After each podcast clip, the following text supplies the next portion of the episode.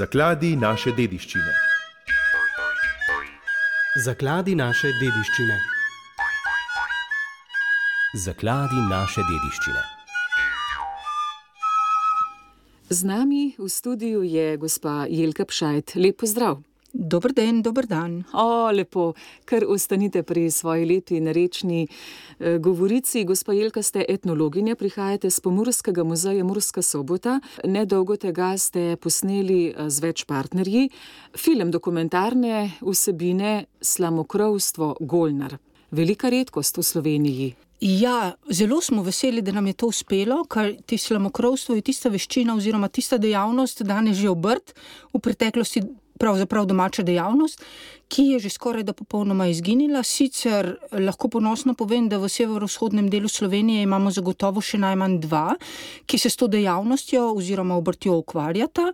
Eden je, zaradi katerega je film tudi nastal, mladi Janez Golnar iz Sovjaka, občine Sveti Juri obščavnici, torej govorimo o slovenskih goricah, o Prlekiji, drugi pa je v Prekmurju, v Trtkovi gospod Rogan, ki pa tudi še pokriva sicer bolj v tem avstrijskem oziroma severovzhodnem delu Slovenije. Tako da oba sta še mojstra, ki to veščino vladata in tudi s tem se preživljata. To že moramo povedati. Strokovno ste vi bedeli nad dokumentarnim filmom. Kakšna je pa razlika njunega pristopa, kritja slamo? Uh, ja, zdaj gospoda Rogana nismo spremljali, smo pa spremljali Janeza Golnarja. Lahko povem, da je on naslednik, očetov naslednik Antona Golnarja. On se je sicer te dejavnosti priučil, ni to podedoval ali poerbal, kot bi rekli, torej ni šlo iz roda v rod, ker se je ta veščina že prekinila, no se je zelo dobro priučil in na srečo je naučil vse, kar je on sam znal, tudi svojega mlajšega sina oziroma sina Janeza Golnarja. Recimo, če me sprašujete o razliki, je med njima razlika. Predvsem se vidi to v orodju. Ki vedno bolj postaja, seveda, prilagojeno današnjemu načinu življenja. Še vedno naj poudarim, da gre za veliko ročnega fizičnega dela, zato tudi zelo težko dobijo delavce, ki bi pomagali ne na strehi, ampak predvsem pri pridelavi in predelavi slame. Govorimo o žitaricah različnih, v glavnem govorimo o rži, o pšenici in papiri. Orodja so tista, kjer se razlikuje, če so včasih bila lesena, še vedno so ročna, če so včasih bila lesena, so danes kovinska, kakšna nova hitrejša in pa seveda gre tudi za stroje, sploh pri spravilu slame, ki zelo dobro eh, in pa hitro omogočajo, da se slama, kar je zelo pomembno v poletnih in deževnih mesecih, da se ča, slama čim prej spravi. Tako da tu mogoče je ta razlika, pa še mogoče v kakšnih detajlih, ki se jih je Janez Golnar kot sin, jih je videl pri očetu in jih potem mogoče razvil sebi v prid, da pridobi recimo čas oziroma hitreje, da naredi delo, tako da tu so mogoče te razlike. Drugače pa slama ostaja slama. Je težko dobiti danes material, slamo pravi velikosti, prav posušeno, da se ne lomi? Je težko. Moramo se zavedati, da če govorimo mi o mojstru Golnarju in pa o mojstru Roganu, eh, moramo povedati, da oba pridelujeta slamo sama. Torej, ni več tega, kot je bilo včasih, ko je skoraj da vsak virt oziroma gospodar, lastnik slamnate hiše, imel doma za lastne potrebe, predvsem za potrebe krpanja skozi več vrst let, so imeli samo, so znali, sami so si znali pridelati slamo, za razliko od danes, ko oba mojstra pridelujeta slamo sama. Glaven vzrok je ta, ker najbolj poznata material. In ko ste vprašali, material mora biti kvaliteten in najboljše seveda pridelovalec, kmet, slamokrovec ve, kakšen material ima ko se pokriva streha slamo, to tudi pomeni, da ne samo, da pride veščina kritja, ampak je za vsem tem tudi pridelava in predelava slame. In tudi to smo počeli v dokumentarnem filmu.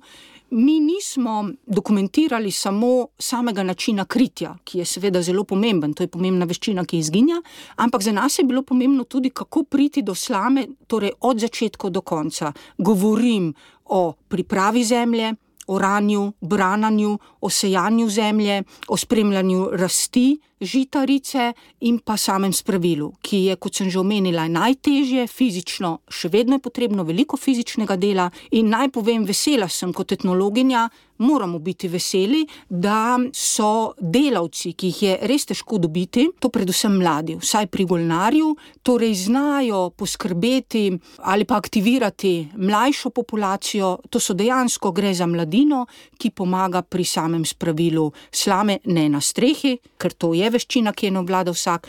Ampak, ko vi potem gledate na polju vročina, 35 stopinj, treba je čim hitreje pospraviti, ne samo požeti, zložiti v kup kupe, eh, da se to posuši. Ko gledate vi mladino, kako dela hitro, eh, fizično, težko, trdo v vročini, smo lahko samo hvaležni. Ne samo mojstru, ki ohranja še to dejavnost, ampak tudi vsem njemu, ki to prenaša na mlade in pa predvsem mladim, ki to še želijo početi. Njega dni so si zelo želeli, da bi imeli sodobne kritine, danes se pa ta trend obrača starejše, slamo krite strehe. Je to romantika ali je res kaj na tem? Je romantika, zagotovo je romantika. Ne pozabimo, res, da gre za naravni material, ki se ga potem da tudi predelati, torej ne gre v nič. Torej, kaj se je dogajalo v preteklosti?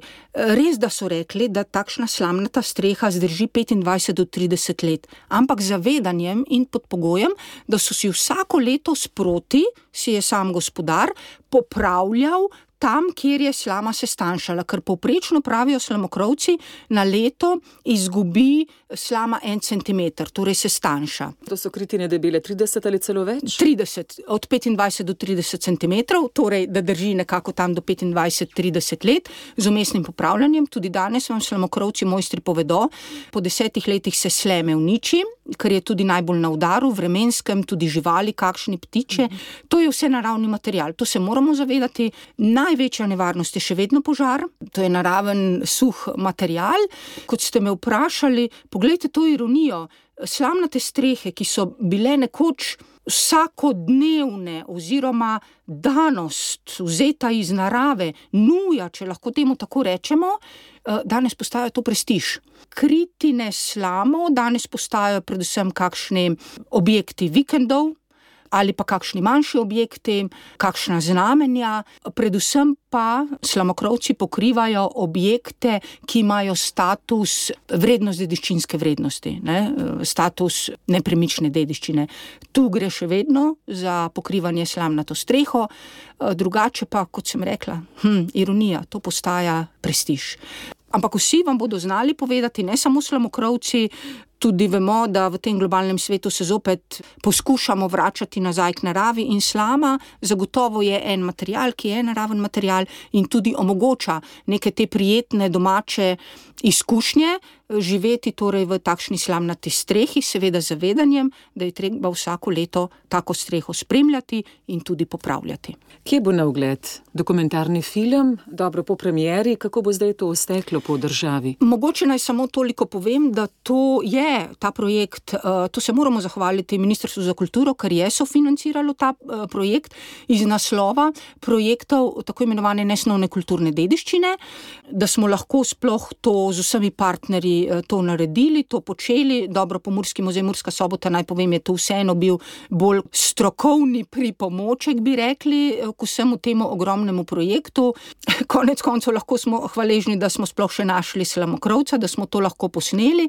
Film, dokumentarni, ki bo po Pomorju, bomo tudi še prikazovali ta film in bo vsekakor dostopen, ne samo v našem muzeju, tudi pri vseh partnerjih in bo mogoče si to vsekakor, ne bo zaprtega tipa, ampak si bo mogoče ta film ogledati. Objekti kriti slamo tudi pomembno veduto dajejo, so pomembno bogatijo, no, prepoznavnost dajejo pokrajini. To ni zanemrljivo. Rekla bi na vaše vprašanje, so dajali. V preteklosti, ko veduto seveda eh, ne smemo pozabiti, sploh če se postavimo v grečevnate slovenske gorice, predvsem v grečevnate, niti ne toliko ravninske, grečevnate, kjer je živelo to prebivalstvo, govorim o revnejšem podeželskem prebivalstvu, recimo želarjih, kočarjih, viničarjih, ki so v glavnem imeli vsi kritine islame, bil je naraven material, torej vzet izpred duri, bi lahko rekli. Eh, hkrati je bil to tudi najcenejši v preteklosti material, za razliko od opečnate strešine, ki je bila dražja. V tistem primeru, če se torej postavimo, rečemo v čas med obima svetovnima vojnama, prek Murci bi rekli, bog, kdaj to je reči hasek, ne, torej je res bilo v tem obdobju slamnate strehe so dajale veduto. Ampak danes, nažalost, pač temu ni tako, življenje se tudi spremenja, način življenja, materiali, ampak kot smo že omenili, pa postaja ta veščina, kljub temu, da je redka, kljub temu, da je prestižna, mogoče pa moramo biti optimistični.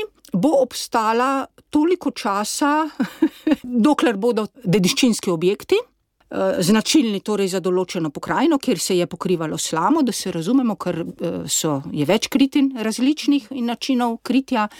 More biti pa res zaradi tega vračanja k naravi, more biti pa najdemo še več posameznikov, ki pa bodo želeli in hoteli imeti slamnato ostrešje oziroma kritino. Tudi zasebni objekti. Tudi.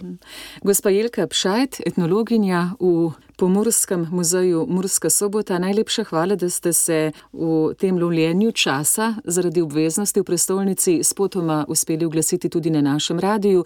O dokumentarnem filmu sva spregovorili Slamokrovstvo Golnar. Hvala lepa za ta uvid v dediščino. Hvala lepa tudi vam za povabilo. Srečno in z Bogom. Zakladi naše dediščine.